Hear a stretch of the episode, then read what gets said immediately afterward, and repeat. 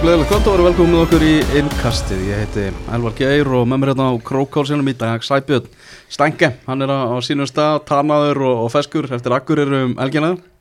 Já, og það er svo sólbrunnin sem var ekki og þetta er ekki alveg nógu gott ástandið hérna en það er Já, þetta, auðvitað kíkti ég norður og þá sá ég sól og allt bara fór í rugl sko. já, varst í pólamótinu og fylgjast með strákunum í FH líka að spila það Já, já, ég tók þetta allt út. Allt saman og með okkur einnig Runolfur Trösti, hann er á landinu, ekki í Danmörku, hann þessu sinni káringur og, og íþróttafrættamæður á, á Vísi. Velkomin Runolfur. Já, þakka fyrir, þakka það mig Já, þannig að við jú eitthvað að tala um KR í, í þessum þætti. Við ætlum að eh, fara yfir þessa umferð, 11. umferð í bestu deildinni en við verðum náttúrulega að byrja á leiknum sem að við vorum að horfa á bara hérna rétt áðan í Malmö, fórkjarni meistardeildarinnar, þar sem að vikingar stóðu sig frábærlega en töpuðu.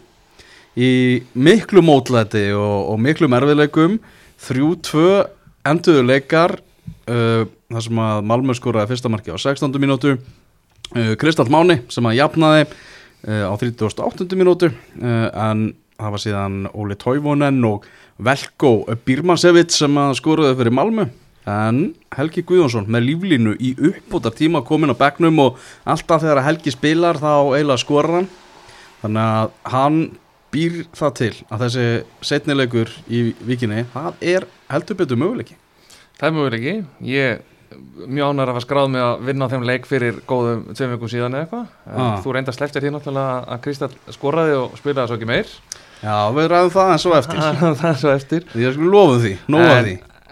En bæði fyrir og eftir það þá var þetta með betri Evrópuleikin sem ég man eftir í langan tíma. Það, hvort að það séu vikingarnir þeir spila vel en svo Malmölið var nú ekki bá marga fiska ef maður er nú mjög, mjög sko. En lið sem var í riðlakefni meistardildanar í fyrra og mér varst vikingarnir já, mér, þetta var með betri Evrópuleikin sem ég man eftir í langan tíma, bara mjög einfalt. Já, já, frá, frábærlega að spila hjá þeim og uh, Sæbjörn bara eins og Rúnuleik kemur inn á þetta malmölið miðalaldurinn upp á okkar 31, komma eitthvað ár þetta var svona virkaða þungt og þeir hafa náttúrulega verið í vandræðum í deildinni bara heima með að, að skora mörg Mhm.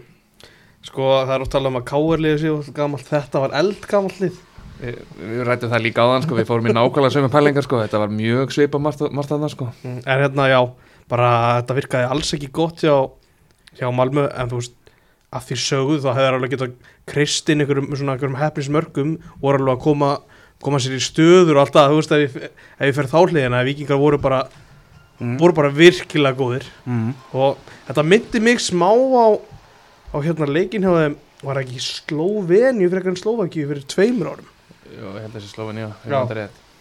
þá hérna áttur virkilega góðan leik en þá var bara bara spilar eitt leikur held ég út af COVID þannig að þeir duttu út Ah. já, þetta var bara svona þetta myndi mér smá á þann leik Af því að þá voru þeir líka einu færi vissulega ekki alveg sama mótlætið í, í þvíruðspjaldi Já, en bara eftir að þú veist að horta á hana leik Mm. og sé þetta malmölið, sjá vikingarna sem voru manni færri stærstan hluta leiksins og allt það, ég meina það er bara blúsandi möguleiki á heimavelli hamingjunar næsta þriðudag Það hlýtur að vera og ég, maður velti fyrir sér hvort að Arnar gerist djarfur eða ekki sko því að þú veist, nei, hérna Malmölið þungt og hægt og þeir eru alveg there for the taking ef að sá gallin er á Víkingum sko. Náttúrulega helsti gallin er að þeirra já, besti, besti leikmaður og mögulega einn, þannig að top 2 leikmaður deildarinnar er, er ekki með sko. Mm. en miðið er möguleiki og allt það sko ég bara, það mér hljóta að vera mjög ánægð með sérstaklega allt sem gerist í þessum leik, bara hvernig niðurstaðan er og hversu buga þetta malmöli virtist verið í rauninni í lokin sko. Akkurat, ég held að þeir þurfu ekki held, þurfu heldur ekki að vera eitthvað sérstaklega djarfir í setnáleikunum bara eins og þessi leikur spila í setnileiknum segi eins og þessi leikur spila vo- vo- voru vikingandi bara áttir í fullu trefið og ég held þeir hefði bara ég, þetta hefði alltaf verið allavega játtöfli 11.11 sko. Já, það er náttúrulega búið að ánægma útivallamarkaregluna þannig að þú veist 1-0 vikingur og Mhm. það verður komið með framleindanleik sko. Mhm. Akkurat, ég get alveg séð þá bara fara akkurat eins inn í, inn í já, setnileikin sko. ég alveg sammála því og Já. mér reikna, ég reikna með því að Arna gerir það ef maður hugsa með sér, þú veist alltaf ekki kannski rétti tímund til að fara að taka einhverja sjensa en, en ef hann vill það þá er það, ég veist, skil þá er það möguleiki Já, ég skil Mhm. og já, Já, þessi framistæðan líka eins og segi sérstaklega aðdáðan að verði í ljósi þess bara hvernig mótlæti var og, og brekka sem er lenda í því að dómgjáslan og dómarinn hann frá Moldófu Dimitri Muntian gjössanlega bara út á túni í þessu leiku, bara hvernig hann höndlaði leikin leikstjórnin þetta er bara leikstjórn upp á nákvæmlega null í einhvern Já, hann var, hann veitir svona búin að missa leikinn bara á hann að byrjaði leiku sko. það var hérna, það var fullt ákvörðunum á undan sem hann var, fannst mjög undarlegar og skrítnar og það var eins og hann hefði bara aldrei spilað, fyrir, nei, þjá, dæmt fyrir fram hann áhöröndur, hann var bara, hann kunni ekki haga sér. Og svona kristallast í þessu atveki þegar hann hendir Kristall út af, þá bara, þú veist, ég held ég er ennþá klár með haustum, sko, ég held að séu það flestir sem hafa séð hvað gerist, sko. þessar 38 mínútur eða eitthvað sem að Kristall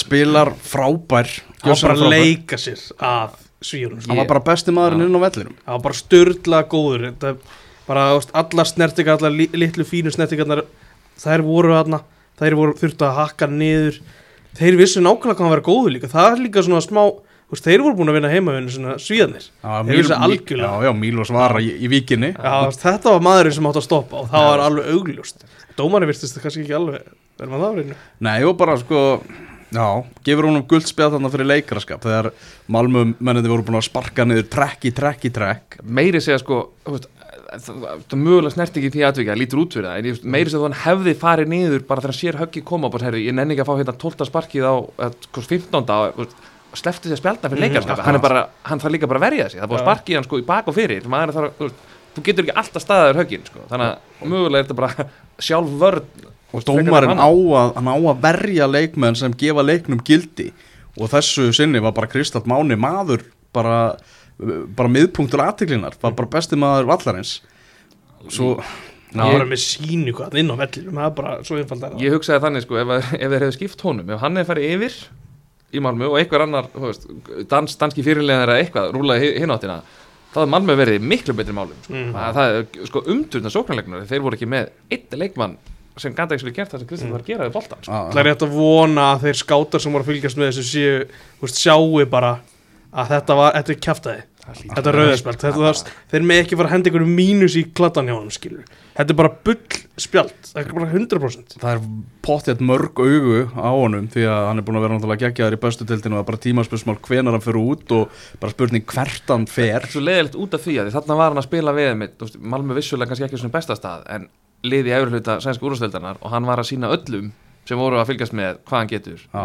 og hann er ekki bara að gera það á móti hérna einhverju liðum í bestutildinni, heldur þarna tók hann leikmenn sko með sko landsleiki og búin að spila í aðurum, ef tölum um reynsluna í þessum Mhm. leikmennum og allt það og var að snýta þeim sko, svo- það er svo leiðilegt sko ekki fyrir okkur, fyrir vikinga fá ekki sko jafnari leik og setni leiki með hann en Mhm. hann sjálfa náttúrulega sérstaklega en algjörlega, svo umulegt út af því að hann hefði getur með 180 mínútur ef hann hefði áfram sko svipuð róli út leikin, það er bara síning Já. ég, bara, ég held að hann hefði það er hærri liði líklega svona heyrðu, ef að kíkja á hann hérna ljósara gutta hann á Íslandi bara út af þessu sko. við getum alveg verið að tala um líka einhverjum miljónir sem að vikingar tapja á þessu upp á sölu verið að gera líka sko. Þeir, kannski eru þeir búin að samþekja ykkur tilbúið bara, nei, við þurfum aðeins að hækka prísin sko.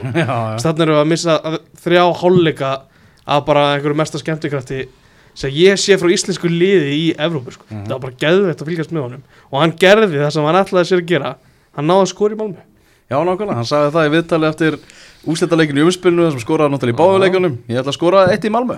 Og hann gerði það á 38 mínútu en fagnaði því með því að sussa hérna eins í, í átta af Malmö stöðningsmönnunum sem eru náttúrulega allræmdir, þetta eru, eru rosalegir Já, þeir, þeir reyndu að gríta ykkur í hann en hann, hann pa- passa sig að vera nóg langt í burtu en, en sussi greinilega, það heyrðist út um allan völl ef markam á dómaran, það er það eina sem að, eina sem að maður tekur út úr það þessu bara. annað gula spjaldi sitt og þar með raukt fyrir að sussa í átta áhörund Já.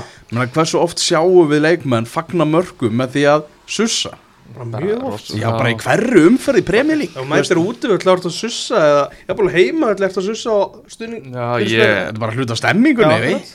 ég er ennþá bara, ég er ennþá að jafn, ég, ég skil eiginlega ekki bara hvernig vikingar sko heldur rósinni, bæði sko staffið á bekknum Já. og bara leikmenn og fleira sko, bara því að ég, ef einhvern tímann var sko ástæði til að missa gjörsamlega Mhm. hausinn og vitið, þá var það þarna. Að ég bara, ég heldur stóiskri ró fannst mér í mótlæti dagsins sko. Hvernig ég fekk send skilabóði hálfleika að það var allar líkur á því að Arda Gullinsson er sendur upp í stúku setna hálfleika, hann gerði það ekki. Hann held bara kúlu Ég, ég var svo til í að vita hvað hann, hvað hann hefur verið að hugsa bara þarna þegar Kristall var auðarspilli sko. hann hefur sínt ótrúlega hæfileika þegar hann mætir í vitur sérstaklega til að sena sig og, og róa sig. Og hann verðist mögulega hafa náð því þannig að bara, bara vissar mætti ekki missa sig.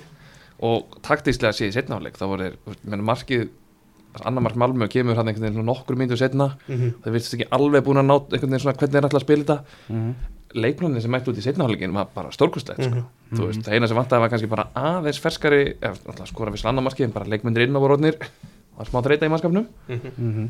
Já, bara heildina liti, bara svakaleg framistæða hjá, hjá vikingum, góð stemming hjá þeim sem að fóru til Malmö og voru að skemmta sér hérna á Litla torkinu í dag og, og hitu, hitu vel upp fyrir það og það er alveg ljóst að það verður að færri koma staðin vilja í þennan setnileika til viku sko. Já, ég ætla rétt að vona að vera ekki eitt lust sæti þarna, sko. Já, Það því að veist, þó að þetta hafi verið andóra á okkur síðast veist, þá hefði ég alveg vilja að fá pakkaða víki, ví, vík seg en þú veist, það núna er bara verður að vera fullt Já, það hlýtur gott. að vera sko, svo náttúrulega komu öruglega nokkri, nokkri svíja með sko, þannig að mm. við gætum fengið alvöru stemmingu Maggi Böð sendur með skilabóð, hann ætla rétt að vona að í fyrsta sinn í sögunni fái dómari 0 í engun og ég reyfi að þá upp fyrir honum að það hefur nú gæst að dómari fengi 0 og það var Evrópulaukur uh, milli Rosenborgar og Vals uh, 2018 Jú. á Lerkendal vellinum í þrántæmi þar sem að ég var einmitt stattur og þar var hérna þessi skrýpadómari frá Búlgaríu Stefan Apostolov sem að síðan var bara tekin út á sakramentinu held ég já,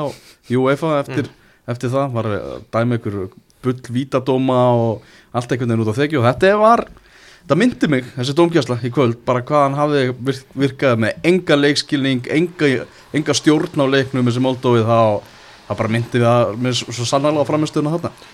Ég bara, við erum alltaf að spila þetta eru tvö atvik hérna á móti Norðurlanda þjóðum, ég væri bara til í sænskan dómar á móti Rosenborgarleiknum og Mm. bara ein, einfaldað, eitthvað sem er það mögulega eitthvað aðeins hérna, tengdur inn í hva, hvernig spókbalti spilar þessu hluta Evrópu, því að þeir verðast að verðast er öðru þessi regluverk Mm. því austarsöðu ferð verðist vera, því að þetta var ekki ég bara, það var ekkert í líkingu það sem maður er vanur að sjá, sko, maður finnst nú oft umkistan hérna heima að vera, já, ekki spes kannski Nei, ég hérna ég velta þess fyrir mér, ég er alltaf ekki að skoða sögudómar og svo ég ætla ekki að fara eitthvað setja eitthvað spurningum um eitthvað eitt eða hana en þú veist, þarna er hann að fá mistræðarleik þar sem augun eru á honum, allir svona þetta er líka hans svið alveg eins og svið fyrir leikmennina.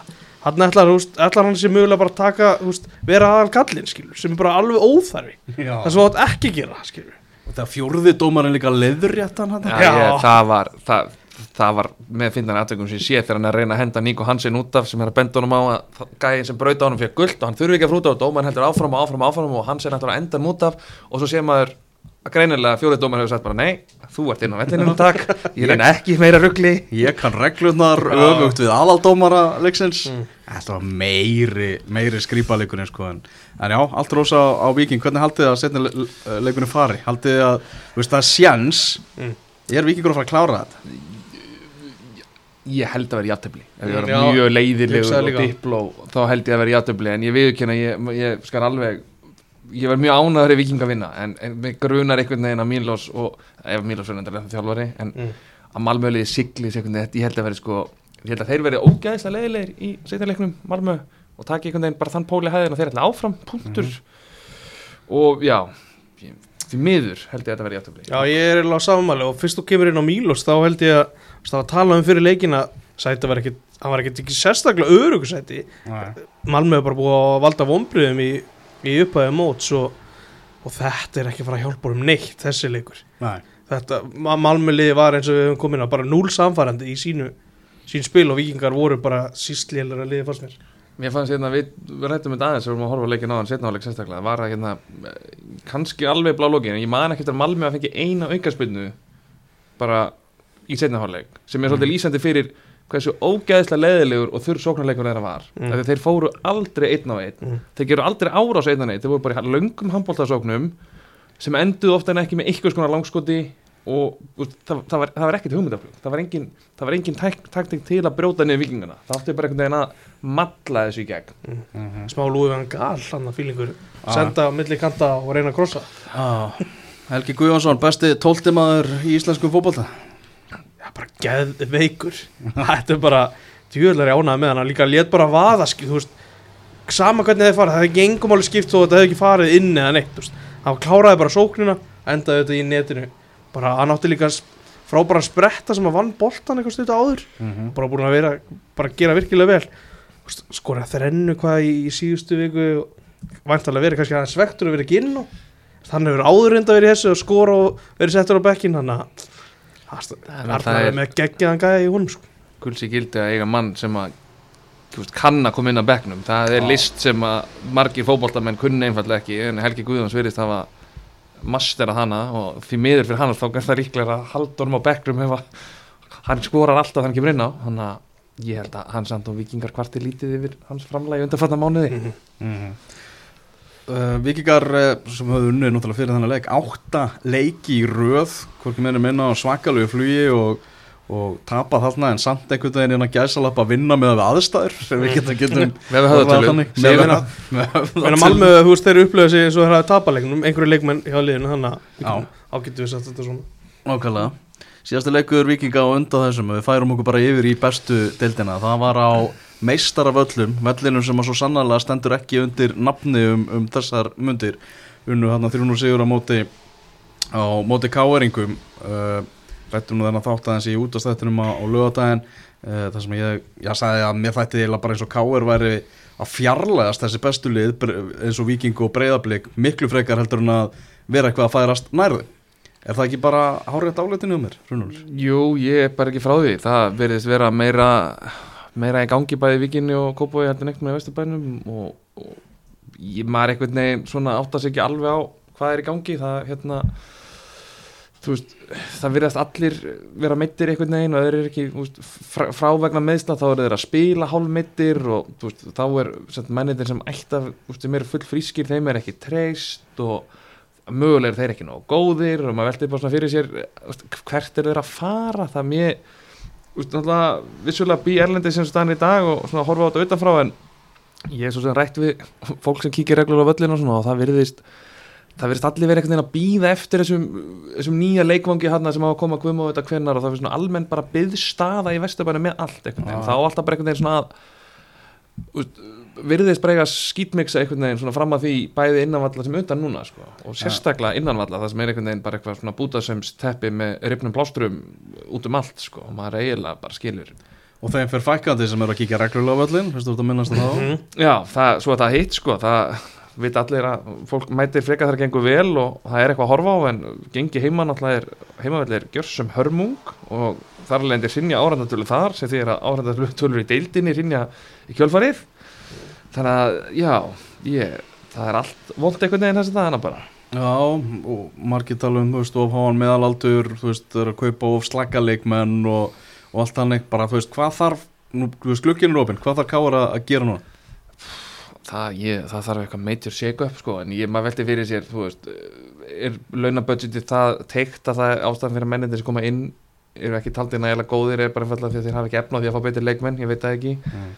Mér veist, leikmannhópinu undarlega uppsettur finnst manni líka og svona leikmenn sem að fengi að fara gegn, núna, sérstaklega núna og tekur þess að svona síðustu tvö ár þar sem að leikmenn hafa verið sendir í rauninni burtu af því að það er ekki pláss fyrir þá þá allt í hennu núna þarf stærri hóp og þá er verið að sækja inn leikmenn sem eru náttúrulega engu betri en þeir sem voru látni fara Mhm. eða þá erlendi leikmenn sem engin veit hvað er að gera þarna eins og eh, Pontus Lindgren vinnu minn sem að minni mig meira á hérna Bert eða munni eftir Mhm. barnabókunum sko Jú, jú. Já. ég, það, það skilur engin úst, hvernig þetta virkar sko og, ég, úst, ég bara eiginlega veit það ekki þeir eru alltaf búin að reyna að breyta þjálfarateiminu og hafa búið að fá nýja menn fram og tilbaka og stækka það og allt það en, en, en leikmannhópurinn hann, hann er ekki ekki á pari við það sem allavega káringar vilja og halda þeir hvað eigi að vera allavega Mhm. Er kongurinn sjálfur, Rúnar Kristinsson, er hann ósnertanlegur í, í Vesturbænum?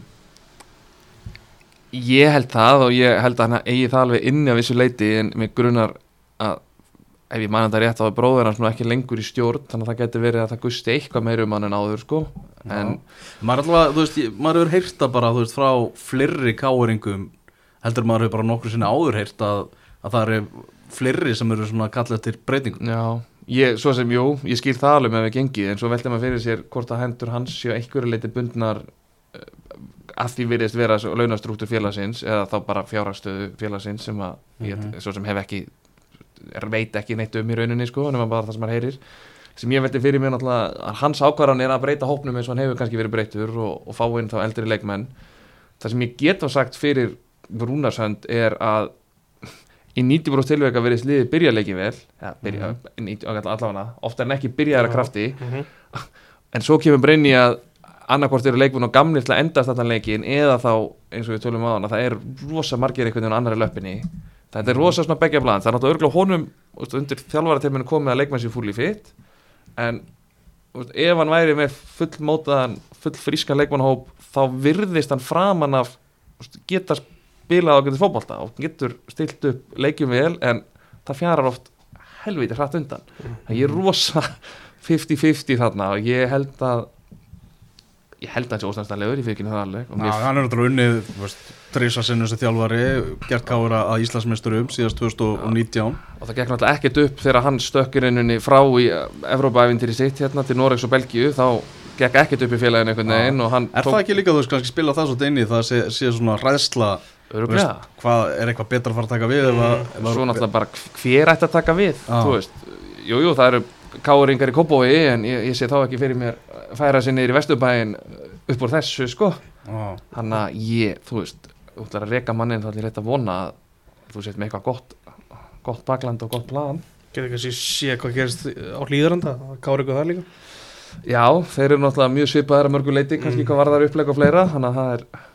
kannski sváðu bara saman Já, já, en hérna fyrst, þú, ef það er til einhver peningur þá held ég að þeir þurfu að fá sér svona kantmann í yngri kantinum. Og meðan að Stefán Átni getur ekki úst, haldið sér bara heilum hvað sem, hvað sem er Já. að hrjá hann. Er of mikið frá. Þetta er já. leikmaður sem að er þú veist, hann og allir geta svona sprengt upp leikina og meðan að hinn eru rosalega fínir í fótbolta og senda til hliðar og fram á við þá eru þeir ekki að ná að sprengja upp leikin en það var það sem að náttúrulega fyrir tímabili var eiginlega bara treyst á að hann yrði leikfær og þar að leiðandi þá væri þetta helsta þú veist, svo, svona óútreiknarlegasta vopnið þeirra sko, en svo náttúrulega bara spila hann eitt leik og það veitir hún engin virðist þá að topnað í honum eða eftir á eða eitthvað og mm. svo fyrir allt í afa skýt sko Akkurat, þú getur, menn getur kíkt aðeins í gróttu þegar kjartan kára inn Valgi Valgeir setur svona nöfn sem að dettur inn ég, samt, veist, ég veit ekki alveg hvað hvort þeir eru eitthvað löst sko. Nei. Nei, það Þeir eru búin að sæ- vera svolítið mikið að sækja í svona neðri deildir og, já og neðri hlutan og eitthvað, leikmenn sko. Maður finnst svona, það sem er heilt í gegnum árin þú veist, þau svona nöfn svona up and coming stóru nöfn sem þeir vilja þeir verðast einhvern veginn alltaf endi í atvinnum mennsku það eru nokkur dæmi um það gegnum svona síðustu tvö ár kannski sérstaklega. Og þá einhvern veginn fara þeir í aðeins læri rekkan og þá hilluna þar sem menn koma heim. Það hefur einhvern veginn ekki gengið. Um, þeir hafa sótt þessu útlendinga sem eru sko Hallur Hansson á að vera launaðasti leikmaður deildarna samkvæmt öllum virðist vera. Já. En svo sækja þér Pontus Lindgren sem að ég geti haldið þessi bara náðast að spila frítt sko. Já, ég, var ekki eitthvað sama, er hann ekki kærast eitthvað leikmenn sem kvennaliðinu eða eitthvað?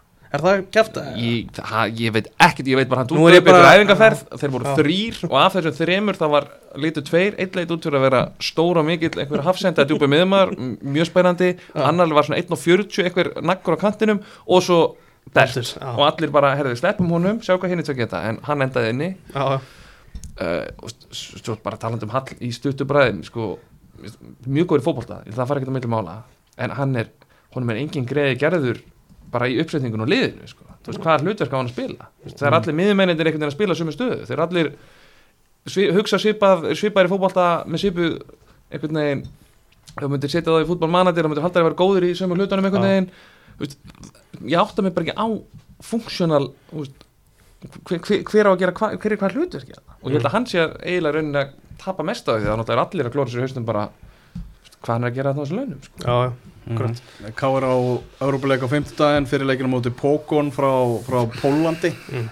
í Pólandi heggi já, er svona, þú veist, fyrirfram þá sér maður ekki að möguleika en leik Nei, en svo þú veist, gæti hann límt saman einhverja varnaframistu þar sem að það er enginn að búast við að hann komi með eitthvað sóknarlega. Það er bara þeir eiga eitthvað Nei, nei, það er það er, er eiga nú af reynslu miklu mönnum. Hann getur hendi, í þryggja manna þjætta miðja með Pálma Halli og, og Theodor Elmari. Það er það sem hann hefur. Já, já, það er það sem hann hefur. Því miður bara spurning hversu lengi endist en, en í fyrirfram nei, þá sér maður þetta bara vera eitthvað Helsingi afhróð sko, en maður er bara mjög hreinskilin hérna. Já, Já þetta er svona verið frekar þungt hjá Káir ykkur, svona vægt sér til orðið er mjög svona, það sem þú segir er, er svo rétt þegar maður er að horfa leikina með KR þeir byrja eiginlega alla leiki bara mjög vel.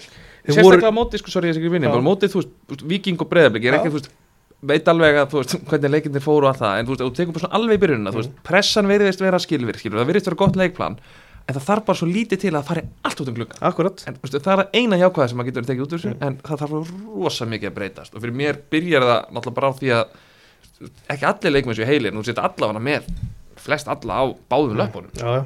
Rúna Kristinsson sagði við mig degi fyrir leikinum á vikinga þrýr leikmenn væri tæpir og þeir byrjuðu allir leikin daginn eftir það er þeir voru ekki 100% á og það getur ekki verið og það hefur bara verið þannig held ég í allt sumar sko. Mm. veist, það, þá veldur maður bara fyrir sér hvað er að ganga á hérna mánuðuna fyrir mót sko. Mm. og það hefur núna verið sagan heldur basically sem verið Íslandsmeistara sko. maður er alltaf að heyra, þú veist, fyrir mót þá er þessi ekki búin að hefja með nokkar mánuð og þessi er að koma inn og þessi er að koma inn og, og það, það er eitthvað Er ljósið handa gangana? Já, já, það er nýja völlurinn nýja völlurinn völlurinn Hann, þetta liggur allt þar, sjöðus manna stúka, hvað sem að mínir menn í Vesturbænum er að kokka upp hann, það verður eitthvað, ég býð spenntur, en hvenær það Hver- verður, það er Já, hvernig verður fyrsta skóplustunga? svona 2045 öruglega. Já, já, sjöðust manna vöslur það eru náttúrulega einhverjum svona 500 sem er að mæta hann núna sko. og hugsa þetta bara út frá því sko. já, já, nákvæmlega Já, það er ör, ör uppbygging Be byggðu og þeir munu koma, það er pælingin held ég, við, við sjáum til, Mm. við sjáum til. Er á laugadaginn, það var eh, IBVF á móti breyðabliki sem enda með markalösu jafntefli, neðstalið deildarinnar að mæta því efsta og ekkert mark skorað. Eiga með hljóta að vera ansið sáttir við, við þetta stig. Já, virkilega, ég held að akkurat það sem að þeir vildu gera hafi svona, svona dottið í svona leik. Þeir vildu þeir vildu halda á núlun, tókst það þeir vildu spila langt, þeir gerðu það uh, þeir gerðu blikunum erfitt fyrir með því að slá ekki völlin og vöku ekki völlin og það var bara svona upplegi gekk fyrir út af það að þeir hefur örgulega viljað tróðin einu Er það staðfest að þeir hafi sér að skilja eftir lengra gras og, já, bara, já, já, það var bara sjáanlegt sko. ok. Ég, já, já, ég, ég held samt í grunninn að meiri sér sko, ég veit það náttúrulega blikandi vilja vinna alltaf leiki en ég held að miða við IBVF og, og fleira úti erfiðan grasfæðan ég held að þeir séu ágætlega sáttir líka fóruðu ekki allir heilir eða? það fór að ekki það- mittur en eitt svo leiðis út af leiknum og ég, ég, meina Oliver var ekki, var ekki klár, hann spilaði ekki þannig að allir eru klári núna sko.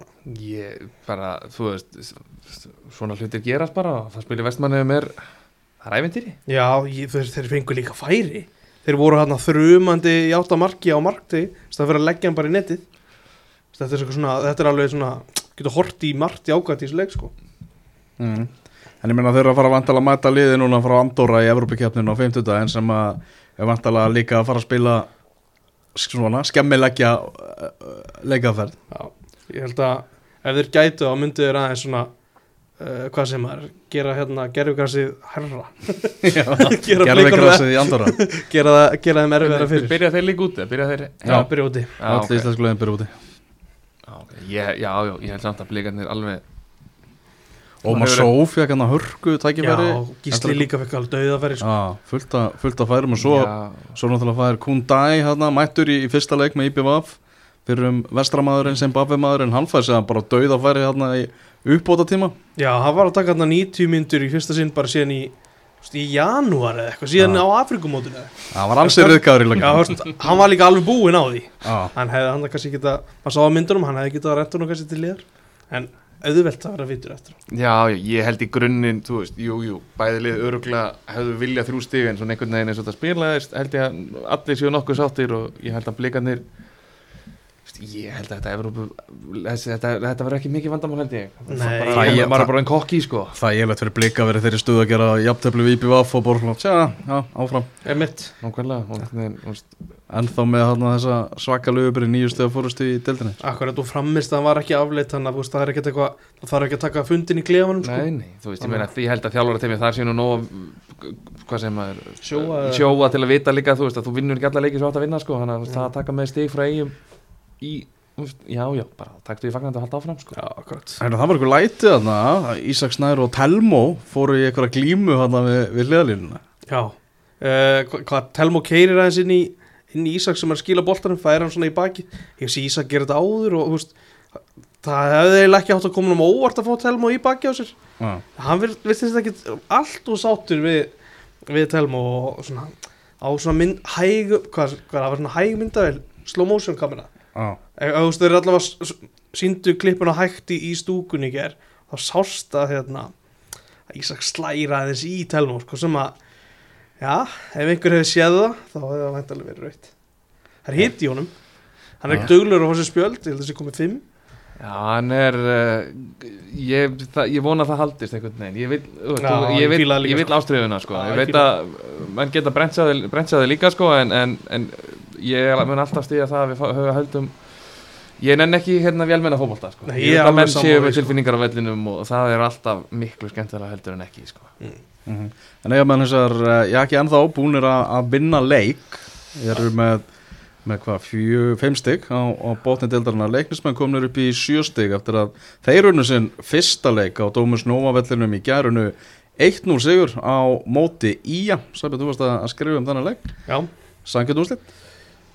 Já, sko, þú veist, heilt yfir var þetta samt bara mjög jafnt, sko Mhm. En á þessum kapla þegar leiknir, leiknir skora markið þá eiga er í kjölfæri svona tíu mynduðar sem er, hefði getað skorað eitt í viðbót, klárlega Já, ég hef sko alltaf svona áhyggjur af því að það hefur verið bara eins og leikni sér svona hálf hrættir þegar þeir eru í fórustunni mm. en þarna síndur algjörlega öfugt við það og, voru bara hótandi á öðru marki strax á eftir sko. Akkurat sagði ekki Siggi í viðtali og endala við stöðu sport að að þeir hefðu eitthvað samtalsverið yfir í fimm mínútur eða eitthvað. Fyrir, fyrir þennan leik, sko. Já, já. Þannig var alltaf klárleikin uh, Í að voru fram að þessum fram að markinu í setnáleik voru þeir að stjórna spilinu í leiknum á þess að, þess að vera skapa neitt í setnáleikum eftir fyrirháleik sem var væga sagt daufur á mínum að Mhm. það er kannski ósamála því í viðtölum. Mhm. uh, en hérna já, sigur var bara þú veist, já, sangin úrslit fá hvað ég er búin að svara þessu lungu máli maður. Ég, ég hef bara, þú veist, með ef ég skoða hort á leikin aftur, það hef ég bara satt jafntefli, sko. Já. Mikael Jakobsen með eina marki á þann 6050 mínútu rökkað hann til hans. Þetta var flott sókn í leikni en, Það var mjög góð svo en svo rökkað hann til hans af varnamanni var það smá var hefnistir þema þessar umferðar. Mér finnst ég að sé hvert annað markið fættur öðru. Þar sem að boltin skoppa þannig af öðrum og hinnum og þessum og svo allt, æ, mark, Mm. takk. Já, en uh, ég sem skagamaður það myndi ég nú hafa pínu áhyggjur sko bara ég heldur ekki hafi það klárlega, sko veist, ég hugsaði með mér, ég man þegar ég horfði á þá spil í Vesturbænum, gott að það var ekki fyrstu leikun eftir landsleikarli, Mm. það hugsaði með mér það er búið að skipa hennar leik í þrjárvíkur Já. það er bara það er búið að býða bara eftir þessum leik, það verður ekki að tala um neitt annan leik og svo hugsaði með mér þeir vinna ekki í næstu leiki þeir vissulega náðu í aftefli hann í einhverju rók geðveiki við FH sko mhm, en svo bara beint í þetta sko. og þú maður bara, ég yeah.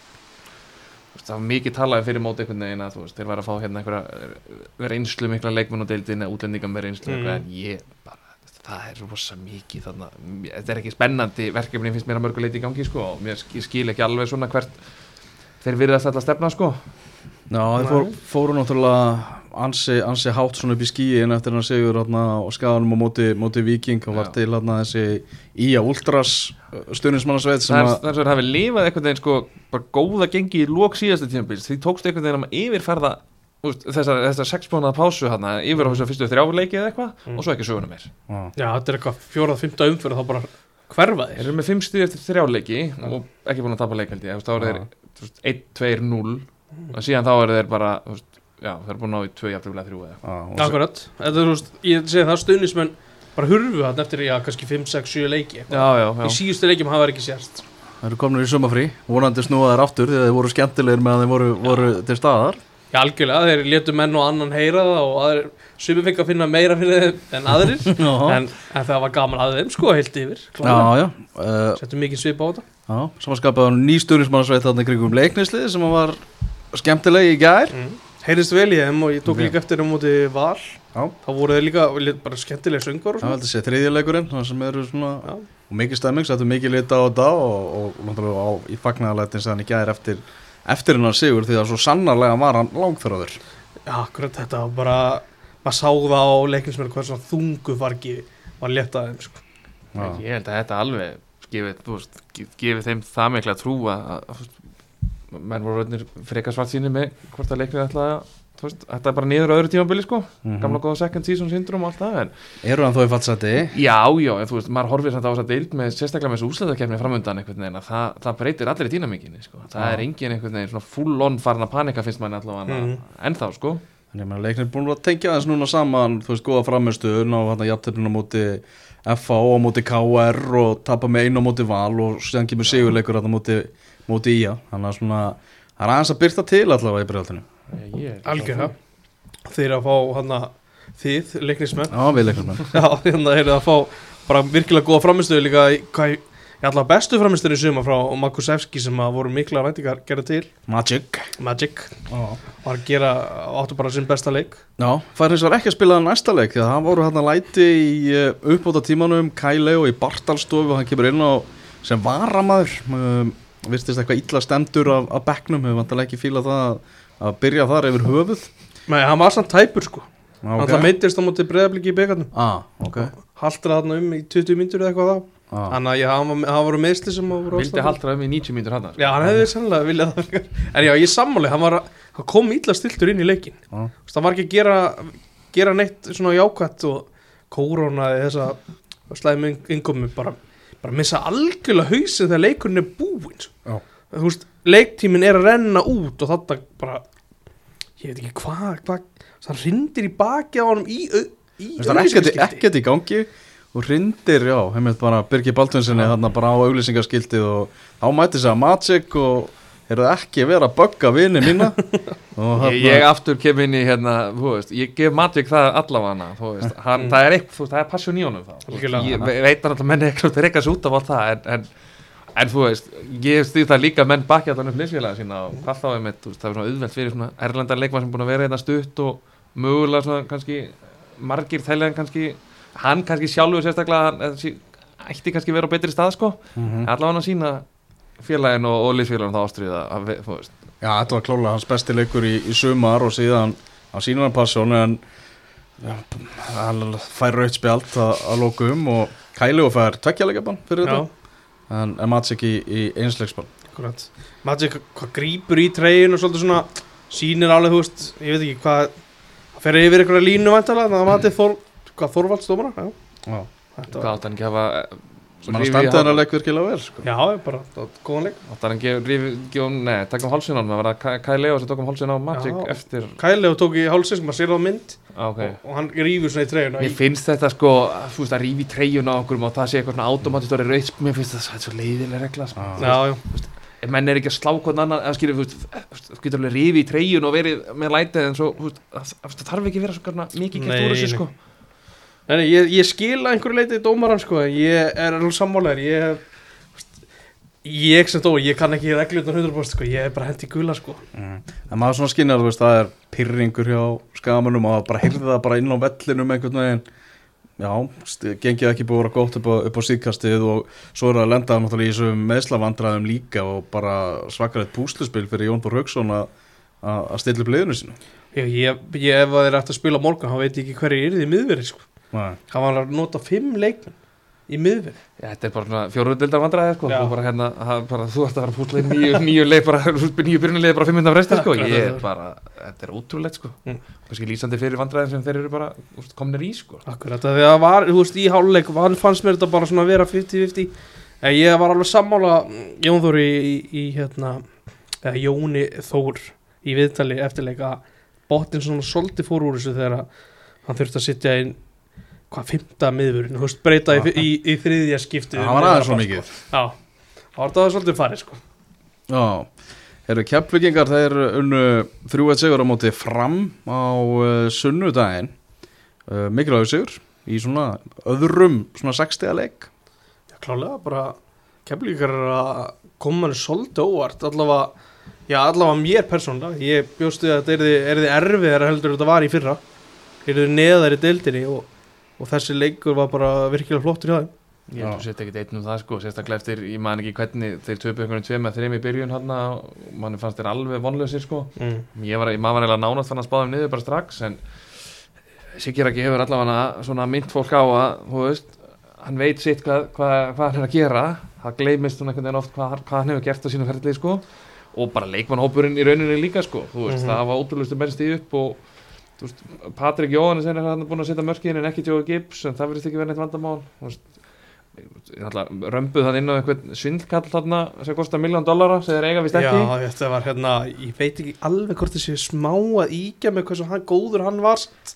hann sá náttúrulega, það voru ekki, við skulum alveg vera hérna heiðalir, það voru ekki öll augu á nei þannig að þeir get, geta alveg sagt að hann hafi verið- bara verið En það, það tekur oft, um þetta er þannig leikmaður, þá tekur hann oft, þú veist, nánast bara, veist, tekur 10-15 leiki að sjá oft hvað sumir leikmenn gera einhvern veginn á þess að maður fatti það, sko, Akkurat maður sér ekki hverja einustu mínútu. en akkur það er ekkert að taka neitt af, af því hvað svo stór prófíl hann er samt.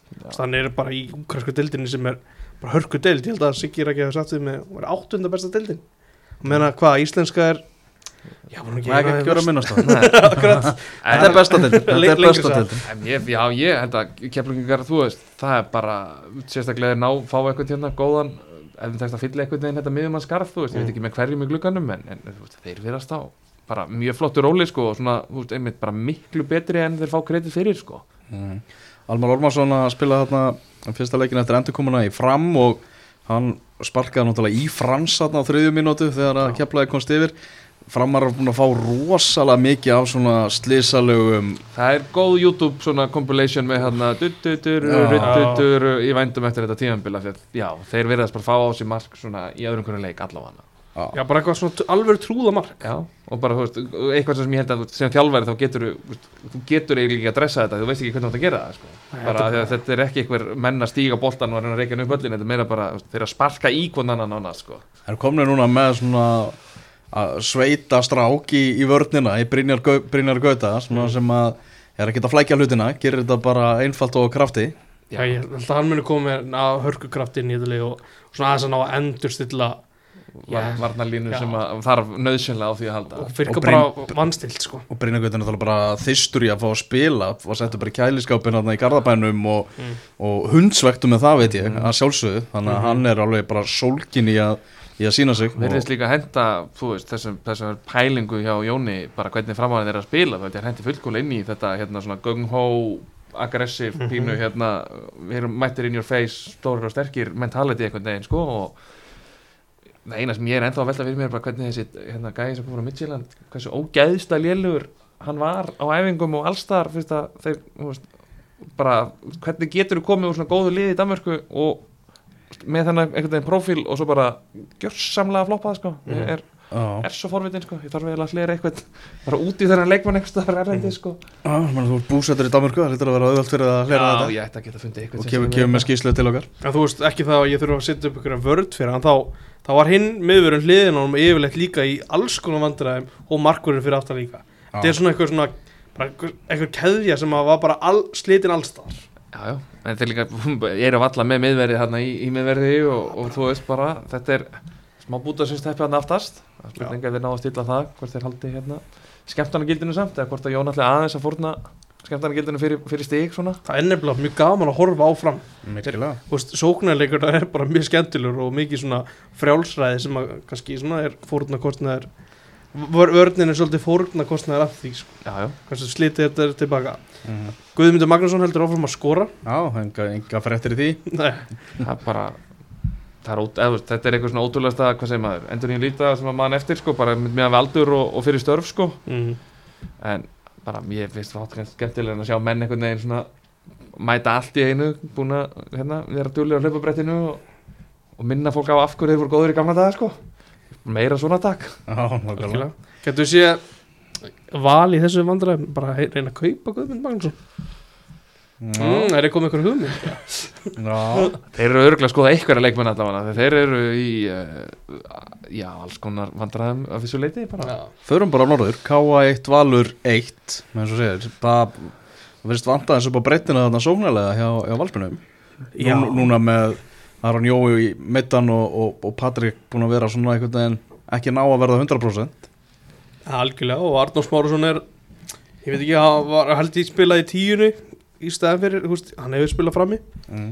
uh, Guðmundur Andri var fremstur í gerð, hann hafði nú ekki að klára leikin meira því kannski eftir. Það fyrir grögt og, og tveggja leikja þetta er hérna það er eitthvað það vant, vantar upp á, svolítið, þegar að vantar Patrik. Ég get alveg séð þá heyra í hérna heyra í kórdringu og kalla bara Sverri Ból tilbaka sko. Já, ég get alveg séð það gerst Já spurning hvernig er- samkomulega er millið félagana Við veitum það ekki. Nei, en svo náttúrulega er ekki ágúst bara farin eftir eða, þú veist, á hann ekki að vera að fara en ekki fara aftur út enn og aftur, þú veist, en ekki tek, hann klárar ekkert sísoni Ég ég er ekki alveg viss hvort hann klára Já, hann gæti klára tímbil Það er náttúrulega að fara að byrja bara í Danmörku sko, þannig að það, ef hann fer þá er ekki langt í það sko, þá náttúrulega komið annan uh, vinkil hann á leikmannahópin hjá Val sko. Já, ég held að það hafi verið sami út tímbil á Íslandi sko. Já, ok, En það er með- dýll ef að það er í lægi sko, en það sleppur en, kannski svona merki um hvað, hvað stað hans er hjá Horsens sko. en varðandi valslið og þú veist, einmitt, skort á breytt einhvern veginn, ég er svona veist, mm, þú veist, leiðilegt náttúrulega Aron Jó sé enn og aftur meittur einhvern veginn en þú veist, Mm. og svo veldur maður fyrir sér, þú veist, Patrik Pedersen virkar á mann, veist, hann hefur ekki meikað á stærra sviði af því að mögulega er meiri samkeppni, sko, og hann finnst þetta gaman að vera, hérna, aðal maðurinn sem hann hefur verið náttúrulega bara undanfæran ár, sko, Mhm. svo ég veldi fyrir mér, þú veist, að fá inn nýjan gæja einhvern veginn, svona í beina samkeppni, sko, geta lífmynda mér að það, er ekki að hjálpa, hann hjálpa honum, sko, og vona það að hann sé mögulega eitthvað aðeins tæpur, þá held ég þetta sé eitthvað dæmi sem frekar bara dregur úr honum. Mhm. svo er það já. Og bara, veist það er eitthvað aðeins mitt bara það er eitthvað að á því að reynda, þú veist, við vorum að fara yfir þunglamalegt lið káver skilur það er alveg hægt að yfirfæra margt þarna yfir að hlýja reynda pilda þó þessi vissulega með Tryggvar Hrafn Haraldsson og fleiri sprækari menn kannski, sko en þeir voru náttúrulega að koma úr tveimur deltasigurum í röð þarna áður en koma, koma að þessu leik og, og fara á norður og gera jafnteflum mútið káa er ekkert eitthvað svona sem að skamma sem fyrir sko. Nei, fyrirfram er það alls ekki allslæmt sko. Nei, ég er kannski meira um bara líka, þú veist, það er hvernig, þú veist, ef sérarnir eru, skilur, þú ert að horfa á þessi tvö bestu lið deildarinnar, þau eru, þú veist, blowing teams away einhvern veginn og Mhm. spilandi þennan skemmtilega fótbolta og allt það, sko, að veist, bara skora mikið af mörgum, hafa gaman, en mann finnst alltaf allsliðið sem einhvern veginn þurfa að græ, veist, það Já, er alltaf þarf alltaf að harka þetta út sko. Já. var markaðast í háleik hérna á Akurri svo skorar Tryggvi Lofn Haraldsson á 64. mínútu og við erum mikið búin að tala um öflum að varnarleik káa en hann, hann var ekki sjávarlega þannig er, ég, ég þarf að fá myndavel um stúkunni því ég skil ekki hvað gerist það skilur það enginn sko hvernig Tryggvi var Það er bara bara- aðleitn og með allt pláss og allan tíma Og það er Heims. hots- hotspilna eða eitthvað og það er bara eins og gæinn sem er hans megin að hann stendur hérna alveg út í hægra megin það er bara svo hann farið bara í sko, tóknum heila og bara ég veit ekki hvert hann ætti að hlaupa af því að það er sko engin nála tryggva einhvern veginn þegar Ágúst lúður á hann fram Mm. en tryggva tek samt að vera það lengi aðtafna sig að Sveitmarger er komin í úst, í andlitna á honum en hann satt lappa bara fram hjá honum Já, já. þetta er, það er allt við þetta marg skrítið sko. Eða, þú veist, þú veist, hann er aðleitin gegn hvern, hann, hann er samt svo lengi að klára ég bara, mm. hann klárar hann bara eins og Sveitmarki sé ekki hann, sko, hann bara lappar fram hjá hann sko. Mhm. Já, Guðmundur Andar Tryggvason, raut spjald á 68. mínútu, slær hérna skyndilega, já, já, aló, þegar hann er í, í að elda boltan uh, Hérna einhvern veginn bara að- að fó- að kom eitthvað smá slag í hausina á, á galdra hana Ég held, þú veist, ég, hann hefur bara verið eitthvað svektur út í eitthvað. Og ekki verið, þú veist, ég held að hann hafi ángríns. Það ekki trúið ekki að hann hafi séð já, já, lóðan og lift höndin eitthvað viljandi sko. Já, Ég held að hann hafi verið að þú veist, svekja sig á sendingu eða ætla sér að gefa einhverjum bendingar eða eitthvað. Þetta var ótrúlega skrítið. Já, það er svona lýsandi fyrir hans einhvern veginn sumar einhvern veginn,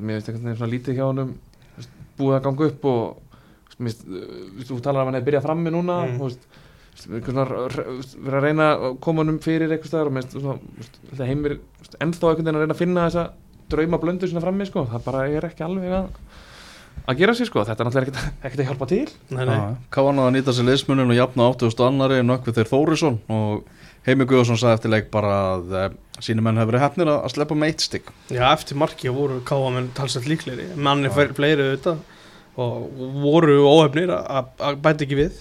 Uh, Markmannsmálin, það er nóg að ræða þar og, og Rúnuleg, þú ert okkar markmanns sérfræðingur hérna.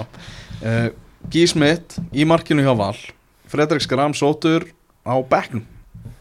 Já, er þetta ekki gamla góða hérna gefa honum korter og vona að smitt dropp einnig fyrirgjöfi næsta leik og þá getur hann hent honum inn án allra hérna all, allra umræðu bara. Ég meina, hefur heilt séð þetta áður en ég sá að heimir tala um eitthvað um að það mætti ekki nátt orðið samkeppni lengur en þetta er frekar undarleg samkeppni sko. Mhm. þegar þú veist þetta, þetta er þetta er náttúrulega bara bein vantraust yfirlýsinga markverðin sem þú sóttir fyrir mót að sækja þér nýjan markmann í glugganum. Og sérstaklega þú ert að kaupa hann temmilega dýrum dómum og íslenska mæli hverða og hann er nú líklega ekki að spila frýtt hann Nei, nei, hvað skrifa hann ekki þryggja ára samning? Veist, fyrir mér, þú veist, ég var bara að hugsa með mér allir, þú veist, Valur sé bara að reyna að koma að gíja aftur í bregðaltið eða Þetta er, þetta er skrítið, ég, ég meina að gýra að spila. Já, og, ég- og sagan segir að Heimir hafi bara sagt við hann bara þú er, þú er búin að standa vel, þú er bara minn maður. Já, ok, ég eins og því, þú veist, fyrir mér er þetta ennþá bein vandröst yfirlýsing, sko, þó hann hafi spilað hann, sko, með, þetta lítur bara þannig út að sé vera að býða eftir því að þeir geti skipt þeim með svona góðri saminsku. Já, ég er ekki að sjá það að Valur sé að kaupa leikma frá dönsku úrvastældafélagi setja hann á bekkin og hafa hann á bekkinum út tíðanbili Ég sé líka bara ekki fyrir mér að maðurinn komi af bekknum í Danmörku, loksins að spila á Íslandi með það bara hann eigi bara að sitja bekknum þanga til gummót og hvenar, sko, það hlýtur að vera bara að þú spilar um leið og við getum komið í liðið, sko. Já, Þannig að bara fyrstu mistök á ký og þá heldur að það sé komin Já, að já, ég bara, geti, bara í hálfleik sem ég þeim leika að gera það kom mér náttúrulega kom mér fyrstulega bara mjög mikið óvart að Fredrik byrjaði ekki bara leikin fyrst að var verið að taka hann Ég kannski gefa honum, heimir þarf að drilla hann Það þarf að kenna honum kerfið það að kenna honum fjórir, tveir, þrýr, einn. Senda á þennan en ekki þennan. En þú veist, ég bara hefði haldið að þeir myndu leita sér kannski að veist, styrkingu annar staðar og svona bara sætta sér við fengið hluti í markinu þegar þeir vissulega sóttu ekki í bara fyrir hvað er að tala um, hálfu ári eða já, það er eftir það er rétt. Rúmlega hálfu ári þú veist, Þetta var þeir voru ekki lengi að skipta um skoðun verið þeirra sko. Já. Nei. Ég held að vandamál vals í, í sumar hafa ekki verið markvarslan. Já, ég, held- ég get alveg verið að það er bara spilið innan liðsins fyrir spyrir Já, Já, ég, þú veist, það má alveg, veist, það má alveg- fara rauk fyrir því að veist, þeir gætu verið með betri markmann á það en ég er alveg sammála því að þú veist, að fara að pinpointa hvar veikleikandir eru og hvar þurfa að laga eitthvað þá myndi ég ekki byrja þar heldur sko. Hinnum með henn, Stubbur komin á bekkin Já, Jáló í markið og Arna Gretarsson spurur að því eftir leik hvort að Já, Jáló var orðin aðalmarkmaður og hann sagði, já, hann er að starta núna. Diplomatist. Já, meina, hann, þeir spiluðu náttúrulega bara að þeir, þeir tóku hérna fjóraflokkskerfið í, í prísísson og það var bara hálfleikur á mann bara einhver með einasta leik ef ég mann það rétt. Já, lengst af allavega, það var hálfrið eftir og hérna, þú veist, Stubbur kannski eðlilega fekk síðan trausti bara eftir síðasta sumar. Mm. ég með minn er að hann hafi nú sagt sjálfur samt að hann hafi verið í einhverju meðslabrasi framan af vetri og eitthvað. og mögulega, þú náttúrulega eh, þekkir akkur eru betur flestir mögulega þá þú veist, virðist að hafa náð, náð honum sko, hann hefur verið þú veist, ekki fyrir sitt besta og þú veist, ég meina, ef þú ert með ég alveg á bekknum eða þú veist, í liðinu, þú veist, þá er auðvelt að taka þessi skipti. Mhm. ég er alveg ekki lélegu markmaður, ég held að það sé alveg teginu ljósara sko. Hann er búin að vera að spila í byggarnum og þeir eru búin að vera að vinna þessa byggarleiki Þetta er svona smá Ég er ekki að segja að það sé að koma annað svona vikingsæðvindir eins og með yngvar sko, þeir unnu deildina Ká er ekki að vera að vinna deildina En þetta er svona, þetta er leiðin við stöður ofta að standiði vel í byggarnum að það gætu orðið markvars breytingar já, já, svo, svo kannski erum við bara einhvern veginn að þróast yfir það hérna heima, þú veist Erlendis ertu komið með sko, stæstulegi heimi verðist komið með sko, einhverja þrjá fjóra markmenn sem er allir að geta spilað í gæðsalöpum, hérna virðist við svona vera svona stærri liðin, þau virðast vilja vera með svona alvöru samkeppni. Hmm. og þú ert kannski stuppur átti aldrei, þú veist, hann átti bara að vera að fylla marki á æfingum en, en kom kannski bara öllum óvart. Já, það var nákvæmlega þannig sem þetta gerist náttúrulega. og hérna, en þú veist, eins og ég segi, bara með, þú veist, að Mm. setja hann inn í liði, sérstaklega eftir góða framistur í byggarnum, þannig að ég, veist, ég held að sæti hans, það er hans að missa núna aftur, sko. Algjörlega Já, það, það er bara þannig eh, Arna Gretarsson talaði einnig um það Ég veit alveg til leikin að hann vilji Hafsend, þeir ætla að styrkja sig núna í klukkanum búin að missa náttúrulega Bíkov Mhm. og, og Brebels var hann líka á undan, sko, Já. þannig að þeir, já, já. Hann vil fylla, fylla þeirra skarð Vill fá verðist vera svona tvo leikmenn í klukkanum Algjörlega, það- þeir eru ekki með held ég, ég Þeir eru með Hat- Hatta Jónasar Ég held að hann sé samt ekki hort á hann sem miðurverð lengur Ég held að sé Hann er reyndar ekki að spila Ég held að hann er að spila fáar mínútur Helst Já, En annars er held ég hort á hann sem miðjumann Frekar Mhm. þeir hljóta að horfa erlendis myndi ég halda, jafnvel eitthvað til austur Európu svona með við hvernig svona, hvernig leikmenn Arnar virðist vilja Mhm. hann aftast sko Mhm. ég sé ekki marga hérna heima sem þeir eru eitthvað að fara að peka út núna eitthvað í glugganum sko Nei, svo er þetta líka einmitt örgulega trikki staða því að Ívar hefur alls ekki verið neitt hann hefur al, alls ekki gefið tilum til þess að vera settur úr liðinu hversu Mhm. góðan miður ætlar að taka ætlar samt að hendunum bara úr liðinu já, færa hann inn á vellinum bara eitthvað. Já, þá getur hann tekið vinstri bakurinn ég held að það sé ekki að fara að gera það sko. en þú veist, þetta verður frólægt að sjá Mhm. já, já, Er F.A. stjarnan gerðu eitt eitt játtöfli og það er engi grætt punktur á KSI hérna hjá F.A.ingum sem eru bara reynilega í fallbaróttu það er ekki flóknar en það Stephen Lennon skoraði á 57. mínútu mikið tala um það að eða smári komu honum í gang Mhm. en svo missið náttúrulega Gunnar Nílsen hann að boltan á 88. mínútu og Artur Daði Birgisson jafna þar í 1-1 og stjarnan þess að geta bara stólið öllum stígunum þremur í lokin Já, þetta var, þetta var allt í einu svona líflegt undir lokin Já, Það var mikið sem að gekk á hann og bæðið lið fengu hörku sjansa, Matti Villa átti þarna til raun fyrir F til dæmis og ég, ég sá ekki allan leikinn en ég heyrði svona að fyrstu 60 hefði verið fyrir eitthvað svona rólegar mm. rólegt yfir, svo þá kannski F skora og þá svona kviknaði það á stjórnunni og Ég heyrði nú bara fyrstu, fyrstu sko 60-75 hefur bara verið dref leiðilega sko. Já, það var bara, ég það reyna að vera jákvæður það ég bara þessi, veist, ég sá svona glittur hér og þar sko, það var, eh, veist, þetta var ekki þetta sama frábæra stjórnul, eða svona á, spennandi stjórnul mm Mhm. sem var þessi hingað til, en, en þetta F-fólið, ég, ég held að Eiður sé hægt að róla átt sér því að, og venni með honum að það er meira sem þeir þurfa að gera heldur en þeir eru örgulega töldu fyrir, sko. mm Já, bæði þessi lið eða það samilegt Akkurat stjarnar var svona virkaði það lið fyrir einmitt þessum þreymur leikum það lið sem var hvað líklegast til að elta, elta blikarnir voru að spila þannig bolta, voru, voru líflegir einmitt og áttu þá áttu talsett lengri góða kapla heldur en bara korter.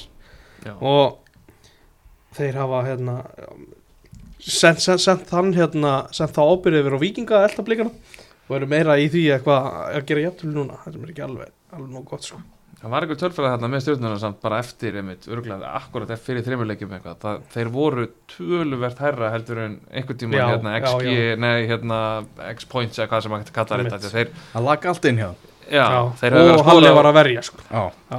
og, svona, það, já, ég veit ekki alveg, þú veist, einmitt, ég, ef þeir hefðu bara, jú, þú getur gett ótrúðustu hluti okkur rönni, sérstaklega það er ekki það margir leikir sem að tala um, en, en maður svona einhvern veginn grunna að það myndi nú fjara undan kannski þessari bókstaflugu hann að geðveiki sem að sá í vikinni hann upp á því sumas Já, já, endanum já. Guðmungur, ég held ekki, ég var, ég held, ég held aldrei að þeir myndu ná blikunum sko, en ég var að vonast að þeir myndu svona aðeins, aðeins eftir á sko. En þeir eiga ennþá allavega, þú veist, ég minna, þeir eru að gera það sem hafa beðin fyrir mót, það vera að spila á hérna, ungum guttum Mhm. og þeir eiga nokkra meira spennandi leikmenn dildarnar, það er bara Akkurat. að segja þessu er.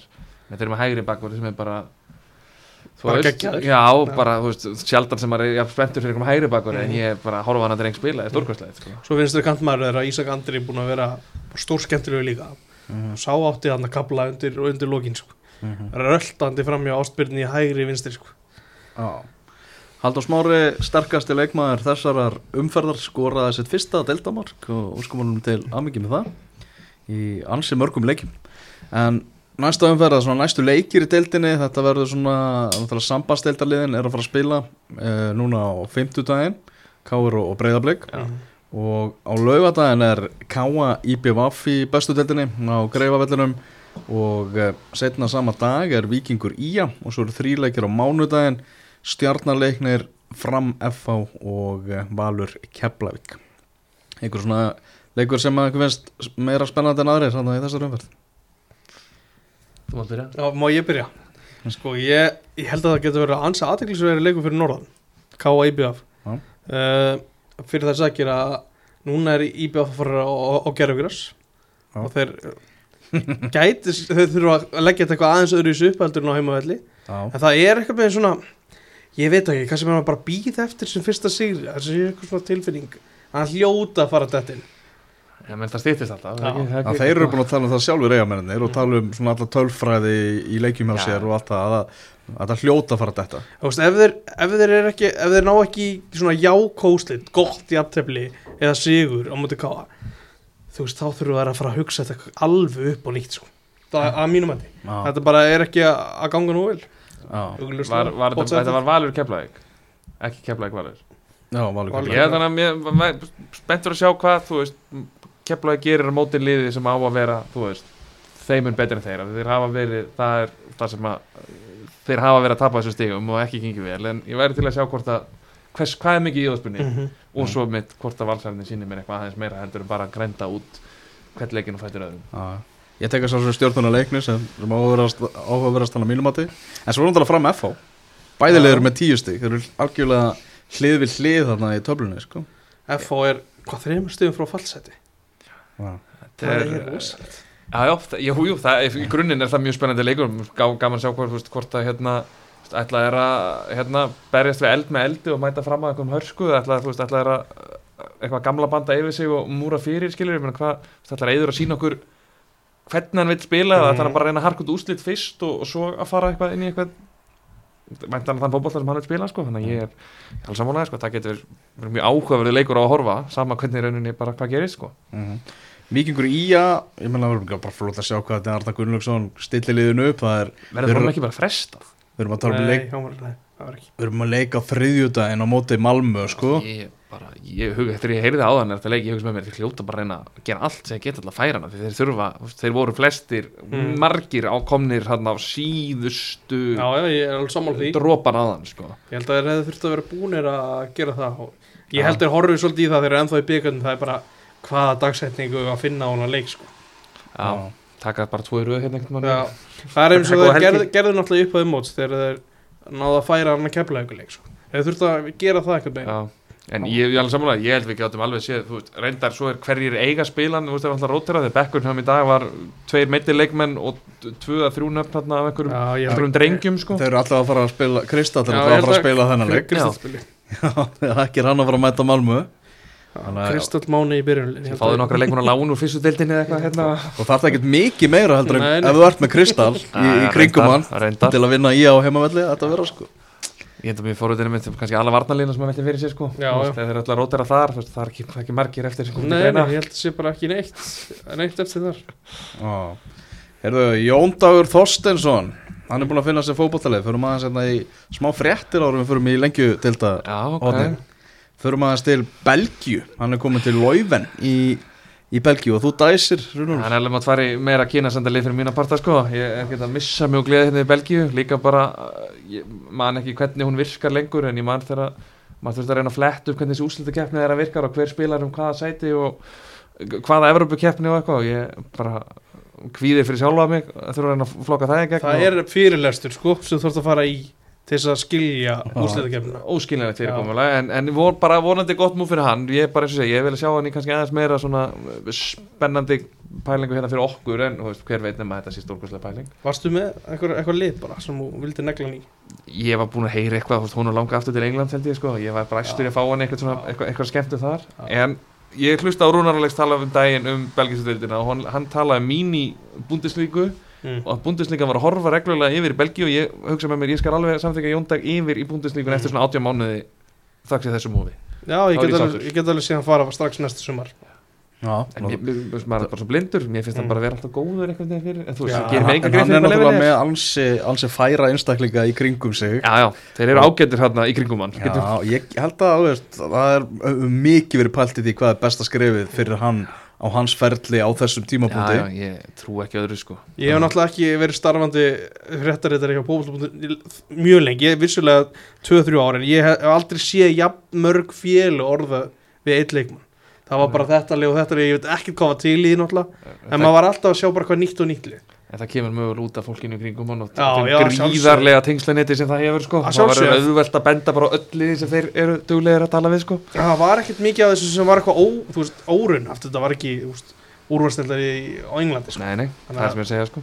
ég, maður hefur einmitt eins og segi byllandi trú á hann og ég held að hann verða hann bara í líki hlutverki og, og haldi áfram bara góðri spilamennsku frá því að hann var hjá AGF sko, og Mhm. landsliðinu núna Eigendur Leuven er uh, King Power og stjórnaformaður Leuven er sami stjórnaformaður og hjá Leicester Já, ok. Þannig er sömu eigendur og, og eiga Leicester City alltaf að segja Það, það er með, með stó, stóra stökki sem við erum að tala um sko. kannski Aðeins og ef þeir ættu að milli, milli lið þarna einhvers staðar.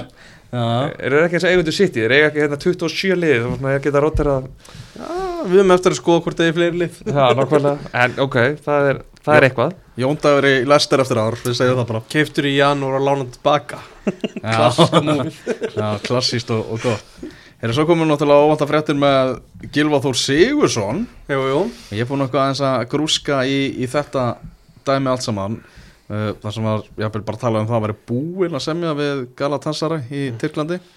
Uh, það sem er vitnað í er sko heitir eitthvað marka í, í Tyrklandi og marka er á Spáni Mm. Eins og flesti vita og eftir því sem ég best veit og það var þetta bara eitthvað Twitter síða sko. Já, mér gruna að þetta væri eitthvað lost in translation uh, dæmi sko, að það væri eitthvað sem hefði sett eitthvað út og eitthvað hefði lesið á Google Translate og fært það eitthvað annað og allt í einu var þetta búið að ræta inn á hérna Daily Star eða hvað líka. Já, Daily Star náttúrulega heyrði bara allt. Já, Ef það býður upp á smelli þá er Daily Star klár sko. og, og svo kíkti ég nú á drengin sem skrifaði fréttina og þó hann sé nú vissulega með hérna bláa merkið á Twitter þá er hann með 130 follower Já, ok. endur þetta ekki 130 það fyrir mér var svona að hann er búin að vera lengi sko. Hann er flottur. Já, en, en veist, veit Hann ég er það að fyrir reyna að mér sanna sig.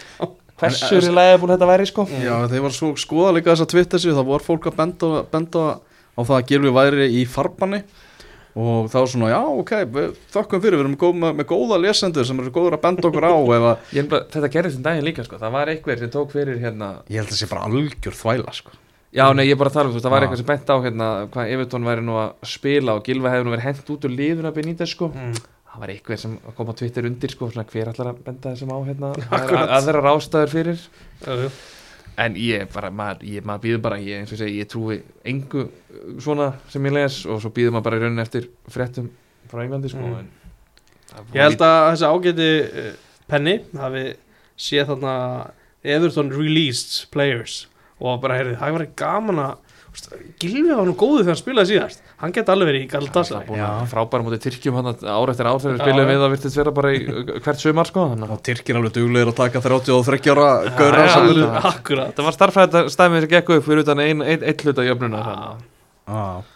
Eru þið yfir í lengju deildar hotnið og er, þegar við erum að taka þetta upp nú klukkan akkurat korter í nýju það var að það eru tveir leiki búnir sem að voru klukkan 6 og til hamingju Sæbjörn, þínum enni Þór tveir sigrar í röð unnu þrjú eitt sigur á móti Kávaf og einn Alexander Mór Þorlóksson með tvö mörg mm. þrjú mörg í tveimur leikjum frá honum eftir að hann gekk í, í, í raðir Þórsara. Velin farin að malla Já, algjörlega, hann er búin að kveikja á vélinni Þósvélinni Núna, þetta verður bara það er, það er ekkert sem er að fara að stoppa okkur núna.